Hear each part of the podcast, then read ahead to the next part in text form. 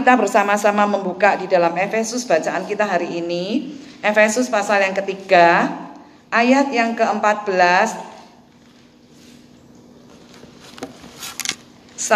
ayat 14 sampai yang ke-19 saja. Efesus pasal yang ke-14 eh pasal yang ketiga ayat 14 sampai 19. Udah? Saya bacakan ya. Itulah sebabnya aku sujud kepada Bapa yang daripadanya semua turunan yang di dalam surga dan di atas bumi menerima namanya. Aku berdoa supaya ia menurut kekayaan kemuliaannya menguatkan dan meneguhkan kamu oleh rohnya di dalam batinmu. Sehingga oleh imanmu Kristus diam di dalam hatimu dan kamu berakar serta berdasar di dalam kasih. Aku berdoa supaya kamu bersama-sama dengan segala orang kudus dapat memahami betapa lebarnya dan panjangnya dan tingginya dan dalamnya kasih Kristus dan dapat mengenal kasih itu sekalipun ia melampaui segala pengetahuan. Aku berdoa supaya kamu dipenuhi di dalam segala eh, seluruh kepenuhan Kristus. Aku berdoa supaya kamu dipenuhi di dalam seluruh kepenuhan Allah. Ibu-ibu, tadi Ibu Rema baru saja menceritakan tentang rencananya ke Perth untuk mengunjungi anaknya, tapi Tuhan izinkan hal yang lain yang terjadi. Sekarang kita bayangkan kalau kita semua sudah punya mantu, punya anak dan tinggalnya terpisah dengan kita. Yang sebelum punya ya dibayangkan nek wis punya gitu ya. Jadi terus bayangkan kita ini sebagai ibu, sebagai mama mau berkunjung ke rumah anak kita dan menantu kita. Terus pada waktu kita berkunjung ke sana, tuh anak kita itu ngomong sama kita, "Mama jangan masuk dapur." Kita mau bantuin dia di uh, belakang laundry baju. "Mama jangan ke belakang." Kita lihat dia punya anak, kita kepengen gendong. Mama jangan gendong anakku. Pokoknya mama duduk di sini aja. Mama ndak usah ke sana. Nanti uh, uh, entah suami atau anak uh, atau istri. Kalau anak kita laki berarti kan istri toh. Tapi kalau anak kita perempuan kan berarti suami. Nanti suamiku ndak suka atau nanti istriku ndak suka. Ibu-ibu kalau digituin gitu gimana kita rasain? Hah? Sakit hati. Sekarang bayangkan kalau ibu-ibu berkunjung ke rumah itu, lalu ibu-ibu cuma bolehnya duduk di situ aja. Jangan ke situ, jangan masuk situ, jangan masuk ruangan ini anakku, jangan eh, jangan masuk ruangan eh, dapur, jangan. Ibu nggak boleh gitu-gitu semua. Kira-kira perasaan ibu-ibu itu kayak apa gitu? Kecewa. Ibu-ibu pengen apa terus? Pengen pulang ya pasti ibu-ibu pengen pulang tidak kepengen di situ ya tapi sekarang bayangkan yang sebaliknya kita punya anak dan menantu itu sangat baik gitu ya terus kita ini sudah angan-angan mau ke sana nah nanti kalau kita sudah tahu mereka itu begitu baik dan kita pernah ke sana dan mereka itu begitu baik terus apa yang sudah direncanakan di dalam pikiran kita nanti di rumah itu kira-kira apa ibu-ibu Sing suka masak pasti masak. Sing suka resian pasti ikut ngepel. Ya, betul nggak? Ikut ngurusi pakaiane anak E, si anu, anak kecilnya itu, betul ya? Betul enggak ya? Saya yakin setiap kalau itu terjadi, saya, karena kenapa? Karena hati seorang mama itu itu penuh dengan apa? Kasih sayang penuh dengan kasih sayang. Jadi ini melimpah dengan kasih sayang itu rasanya kepengen diberok ke semua. Jadi yang punya yang punya hobi masak dan pintar masak, pikirannya cuma masak. Nanti aku di sana aku mau masak no anakku ini. Bahkan sudah sanggup bumbunya sebagian dari rumah tempat asalnya gitu ya. Makanan kesukaan di bawa ke nanti apa? Nanti anaknya repot dengan bayinya kita bantuin. Jadi kalau bisa itu setiap sudut rumah itu penuh melimpah dengan kasih sayang kita. Betul enggak iya. Nah saudaraku sekalian apakah dengan melakukan itu rumah itu menjadi milik kita? Enggak tapi rumah itu penuh dengan kasih sayang kita di setiap sudut rumahnya betul ya melimpah dengan kasih sayang dalam hidup uh, dalam keluarga itu kasih sayang kita. Nah, gambaran sederhana walaupun itu terbatas dan sederhana, gambaran apa yang saya ceritakan itu tadi yang kita umpamakan itu tadi itu adalah seperti yang kita baca ini barusan, ya. Paulus di dalam posisi dia di penjara, dia itu nulis surat kepada jemaat Efesus dia menceritakan bagaimana Tuhan itu manggil dia di dalam pasal 3 ini untuk memberitakan Injil kepada orang-orang yang bukan Yahudi. Ya. Kalau uh, dulu itu katanya Injil itu diberitakan untuk umat Allah di Yahudi. Tapi Paulus itu dipanggil untuk memberitakan Injil itu kepada orang bukan Yahudi. Nah, dalam hal ini jemaat Efesus adalah orang-orang sebagian bukan orang-orang Yahudi. Nah, dikatakan bagaimana Paulus dalam kondisi itu, walaupun dia dalam kondisi di penjara, tetapi dia berdoa. Dalam suratnya dia bilang, "Aku berdoa." Apa isi doanya? Dia berdoa kepada Bapak, Bapak dari semua orang percaya, baik yang sudah ada di surga maupun yang masih hidup di dunia ini. Dia bilang ya, dia berdoa kepada Bapak yang Bapak atas semua orang yang percaya.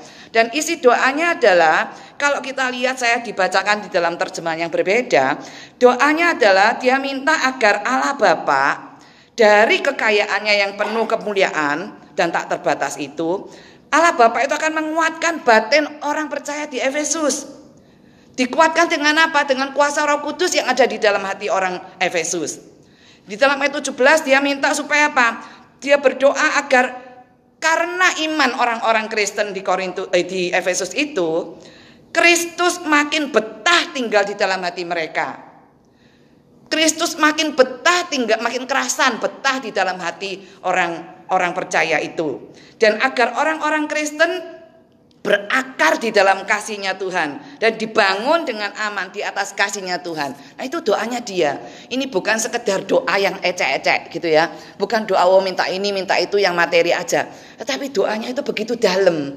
Doanya itu minta sesuatu yang yang yang luar biasa di mana orang percaya itu menjadi orang yang kuat dan bukan hanya kuat tetapi berakar di dalam kasih berakar dalam kasih. Terus ayat 18 selanjutnya doanya isinya adalah supaya jemaat Efesus itu jemaat Efesus mampu memahami, mampu merasakan bersama dengan semua orang percaya lainnya di mana pun, mampu merasakan, mengalami, memahami betapa panjang, betapa lebar, betapa dalam, betapa tinggi kasih Tuhan. Walaupun sebenarnya kasih itu demikian besar, kasih itu kita ini susah memahami kasihnya Tuhan ya. Kasih Tuhan itu begitu kompleks begitu lengkap. Tidak ada seorang pun yang bisa memahami kasih Tuhan itu dengan lengkap. Ya tidak bisa. Tetapi dikatakan supaya jemaat itu bisa mengalami paling tidak. Memahami. Sehingga akhirnya jemaat itu dipenuhi dengan Allah sendiri katanya. Nah saudaraku kasih Tuhan itu begitu luas lebar panjang, dalam, tinggi, nggak mungkin dipahami 100%. Tapi kita bisa mengalaminya sebenarnya. Bagaimana caranya? Nah, gambaran yang tadi saya katakan di dalam cerita awal tadi itu sebenarnya memberikan gambaran sedikit. Bagaimana supaya anak dan keluarganya, anak kita dan keluarganya itu bisa mengalami kasih kita. Nomor satu harus apa? Pintunya harus terbuka untuk kita, betul nggak? Dia harus izinkan kita masuk, izinkan kita datang, betul kan? Seperti tadi Bu Rema bilang anaknya itu ngarep-ngarep mamanya datang kan gitu. Nah, nek anaknya tidak izinkan, kita bisa datang enggak? Enggak bisa. Mama enggak usah datang. Sakit hati kita. Mama enggak perlu datang. Nangis kita. Tetapi ini adalah bagaimana cara kita supaya mengalami jemaat Efesus mengalami kasihnya Tuhan, yaitu di dalam ter, di dalam ayat yang tadi dikatakan itu bahwa oleh iman supaya mereka itu Kristus itu tinggal ayat 17. Sehingga oleh imanmu Kristus diam di dalam hatimu. Jadi Bagaimana supaya bisa mengalami kasih Tuhan? Walaupun kasih Tuhan itu susah untuk dipahami kedalamannya begitu kompleks. Tetapi agar, agar tetap bisa dialami, tetap bisa dirasakan, maka maka jemaat Efesus itu harus membuka hatinya untuk Tuhan. Artinya menerima Tuhan Yesus dengan iman, percaya Yesus, menerima Tuhan Yesus sebagai Tuhan dan juru selamat pribadi. Dengan demikian Kristus, Roh Kudus tinggal di dalam hati kita hati orang percaya waktu itu. Dan kemudian Roh Kudus itulah yang membuat mereka bisa merasakan kasih Tuhan. Nah, itu yang pertama, yaitu bahwa mereka harus membuka hatinya untuk Tuhan. Supaya apa? Supaya Roh Kudus dalam hati itu bisa bekerja dan dia mereka bisa merasakan.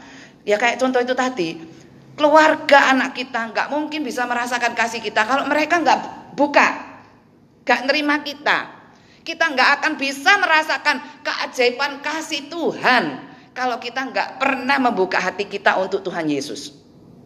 Nggak pernah. Gimana? Walaupun Tuhan firman Tuhan bilang Allah demikian mengasihi isi dunia ini sehingga memberikan anaknya yang tunggal mati di atas kayu salib untuk setiap kita untuk menang hukuman dosa. Tapi kita nggak nerima, ya tetap kita nggak akan ngalami, nggak akan. Jadi pertama kali itu harus buka hati untuk terima. Ya Tuhan, Aku percaya kepadamu, aku terima. Baru demikian kita bisa merasakan. Dan apalagi dikatakan Tuhan itu betah di dalam hati kita. Ya, Tuhan itu artinya ya memang Tuhan itu tidak bakal pergi kalau kita sudah terima Tuhan Yesus sebagai Tuhan dan Juru Selamat. Tetapi hubungan kita dengan Tuhan itu begitu akrab gitu ya. Artinya betah itu. Dan yang kedua, kalau dalam contoh yang kita tadi, selain itu supaya kita bisa merasakan kasihnya Tuhan, bukan hanya buka hati, bukan hanya mengundang Yesus percaya kepada Yesus, tetapi juga membuka semua akses memberikan kepada Tuhan dan Roh Kudus untuk seluruh akses dalam hidup kita. Contohnya tadi, yang pertama tadi ya. Kalau kita boleh datang Mama jangan masuk dapur. Mama jangan masuk kamar anakku. Mama toiletnya di sini aja, nggak boleh masuk kamar mandi yang sana. Biar coba. Nggak ada akses semua. Gimana bisa merasakan keluarga itu? Walaupun ini cinta mama itu begitu melimpah, wes bawa 10 koper sebagai wujud cintanya, itu ndak bisa dirasakan. Piye? Semua dibatasi di situ aja. Mama gak bisa ngapa-ngapain. Gak bisa melampiaskan semua kasih sayangnya. Gak bisa menyalurkan semua kasih sayangnya. Sekeluarga itu juga gak bisa ngalami kasih sayangnya Tuhan. Kenapa? Lalu dia membatasi dirinya tuh dirinya Gak bisa merasakan cintanya mamanya. Kenapa? Karena dia sendiri yang membatasi dirinya kan. Betul kan? Itu yang terjadi. Nah ibu-ibu, kasih Tuhan itu katanya begitu lebar, begitu panjang, begitu dalam, begitu tinggi. Kenapa digambarkan seperti sedalam apa? Setinggi apa? Sepanjang apa? Se -se Selebar apa? Emang ada tandingannya di dunia ini? Tidak ada yang bisa membandingkan ukurannya kasihnya Tuhan itu tidak ada. Coba sekarang ibu-ibu, apa sih yang paling lebar di dalam dunia ini? Laut? Ya katakanlah laut. Kasih Tuhan itu jangkau sampai manusia di seberang lautan sana. Betul? Gak dibatasi. Apa yang paling dalam di dalam dunia ini? Yang paling dalam. Hah? Apa Betty? Hah? Betul. Katanya ada pepatah dalamnya lautan bisa diukur. Tapi dalam hati kita gak tahu. Betul ya? Emang betul. Tapi ibu-ibu, kasih Tuhan itu bisa merasuk sampai ke dasar hati dari orang yang paling bejat sekalipun. Sehingga orang seperti Paulus yang eh ya orang yang dulunya namanya Saulus seperti Paulus yang dia dengan semangat bunuh orang Kristen, dia bisa menjadi seorang rasul yang mengasihi jiwa-jiwa. Kenapa? Karena kasih Tuhan sudah menjangkau dia. Jadi kasih Tuhan itu gak bisa diomong ke batasannya. Kita nggak mungkin 100% memahami, tapi kita bisa merasakan. Tergantung berapa akses yang kita berikan.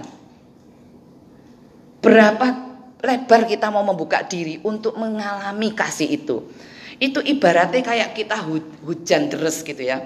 Di rumah saya itu kadang-kadang naik hujan deras itu saya sengaja pasang ember gitu ya. Supaya apa? Supaya lumayan hemat air untuk nyiram tanaman yang di pojok-pojok. Nanti air hujan itu tak buat nyiram tanaman yang di pojok-pojok. Jadi tidak usah buang air banyak-banyak gitu ya. Jadi saya pasang dua bekas ember yang bekas cat itu sama satu yang kecil bekas cat tapi yang kecil gitu ya ukuran kecil gitu. Ibu-ibu, saya yakin ibu-ibu bisa nangkep maksud saya. Mana yang dapat air banyak? Ember besar, wadahnya kecil, mungkin ada botol, terus ada gelas. Paling banyak yang ember besar. Ya kan? Itu sama. Seberapa kita bisa merasakan kasihnya Tuhan. Tergantung seberapa luas kita membuka diri kita untuk mengalami semuanya. Tergantung seberapa luas kita mau buka kasih Tuhan seluruh akses hidup kita. Nah saudaraku, tadi dikatakan bahwa yang paling dalam itu hati kita. Sekarang saya mau tanya, hati kita itu mungkin paling dalam, paling luas mungkin ya, paling besar saya ngomong paling besar, walaupun kalau diukur, kalau anu cilik tok hati liver. Tapi saya bilang paling besar kenapa? Bukti ini apa paling besar? Apa saya yang nggak disimpan di dalam hati kita? Segalanya kan masuk hati. Kok cukup? Ya kan? Hati kita itu Tuhan. Kalau kita buka semua, anak kita ya pikir ya di dalam hati kita, jengkel kita yang di hati kita, duit kita yang itu di hati kita. Terus apa lagi? Masalah apa ya di hati kita. Betul? Cukup ya? Kasih Tuhan bisa jangkau sampai ke sana loh, ibu-ibu. Tergantung seberapa kita membuka akses sampai sana. Banyak orang Kristen ya, itu percaya kepada Tuhan Yesus sudah cukup katanya. Pokoknya aku sudah dapat tempat terdaftar di surga. Tapi untuk hidup sehari-hari nanti sih dia tutup aksesnya dari itu kepada Tuhan dia tutup. Tuhan jangan ikut-ikut di urusan dompetku. Tuhan jangan ikut-ikut ngurusi keluargaku. Tuhan jangan ikut-ikut ngurusi pekerjaanku. Tuhan jangan ikut-ikut ngurusi urusan persahabatanku. Tuhan jangan ikut-ikut ngurusi sekolahnya anakku. Tuhan jangan ikut-ikut masalah jodohnya anakku. Jadi kita tutup semua akses. Padahal ketika kita membuka semua akses itu, di dalam setiap hal itu kasih Tuhan bisa mengalir. Betul kan? Contohnya kayak tadi itu. Kalau kita buka semua, kasih Tuhan tuh nggak ada batasnya. Bisa jangkau sampai liku liku liku liku liku liku. Yang kita susah menjangkau, kasih Tuhan bisa sampai ke sana. Karena kasih Tuhan itu ya begitu dahsyat. Dan sekarang tergantung kita. Kita mau buka sebesar apa aksesnya untuk Tuhan kita gitu loh. Seberapa kita kita mau buka akses. Nah ibu-ibu coba pikir baik-baik. Seberapa kita melibatkan Tuhan di dalam setiap yang kita lakukan. Urusan sekolah anak-anak bagi yang yang masih ini sebagian besar enggak ya, sebagian kecil aja. Yang ngurusi anak yang saat ini belajar dari rumah. Atau yang masih ngurusi pekerjaan yang saat ini lagi dalam keadaan agak sulit. Atau masalah kebiasaan baru yang yang membuat kita stres di rumah. Atau masalah kesehatan. Atau apa? saat ini. Mari izinkan Tuhan menyalurkan kasihnya karena dia tuh kasihnya itu nggak ada batasnya. Yang membatasi adalah apakah kita membuka akses untuk itu. Atau kita Tuhan ojo melok-melok. Aku tak pikir pakai caraku sendiri. Atau kita ngajak Tuhan. Kalau kita membuka akses untuk Tuhan, untuk memberkati menyalurkan kasihnya di dalam seluruh aspek kehidupan kita, itu berarti kita juga menjalankan segala yang kita lakukan itu dengan cara Tuhan. Mari kita bersama-sama untuk buka akses seluas-luasnya Tuhan, rumahku ini milikmu. Apa yang terjadi? Tuhan ikut campur. Anakku ini milikmu. Tuhan, apa yang sudah terjadi? Katakan semua apa yang terjadi. Kita katakan firman Tuhan, ajak supaya anak-anak kita itu mengalami kasihnya Tuhan. Sehingga dengan demikian kasih Tuhan juga dicurahkan kepada anak-anak kita. Kasih Tuhan juga dicurahkan melalui pekerjaan kita. Karena kasihnya Tuhan itu gak ada batasnya. Tergantung kita. Sebar, kita mau buka seberapa jauh. Saya itu teringat dengan satu cerita di dalam perjanjian lama.